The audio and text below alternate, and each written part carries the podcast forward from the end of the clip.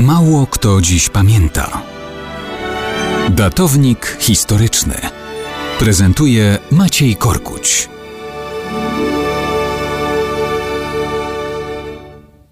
Mało kto dziś pamięta o tym, jak w nocy z 23 na 24 marca 1609 roku hetman wielki litewski Jan Karol Chodkiewicz stał się wilkiem.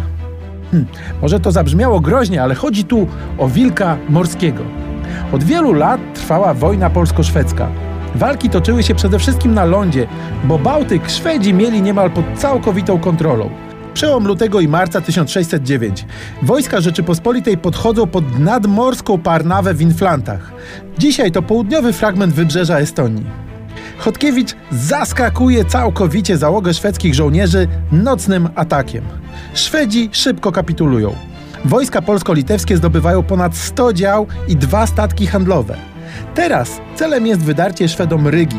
Chodkiewicz wykorzystuje nowe możliwości i szybko przerabia oba statki na okręty wojenne. Polacy od Anglików i Holendrów kupują dodatkowe jednostki, pakują na nie żołnierzy i świeżo zdobyte armaty. Cel? Port Salis, gdzie w błogim spokoju bazuje eskadra szwedzkich okrętów wojennych. Są pewni siebie, przecież panują na morzu.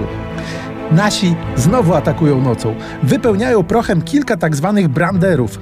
Opuszczone przez ludzi i podpalone zostają pchnięte w stronę zakotwiczonych szwedzkich okrętów. Dwa z nich natychmiast stają w płomieniach i idą prosto na dno. Wśród Szwedów wybucha panika. Inne statki pośpiesznie wypływają z portu.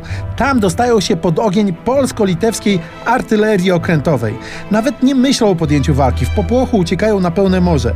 W ten sposób Chodkiewicz zdobywa port, zapasy broni, amunicji i żywności.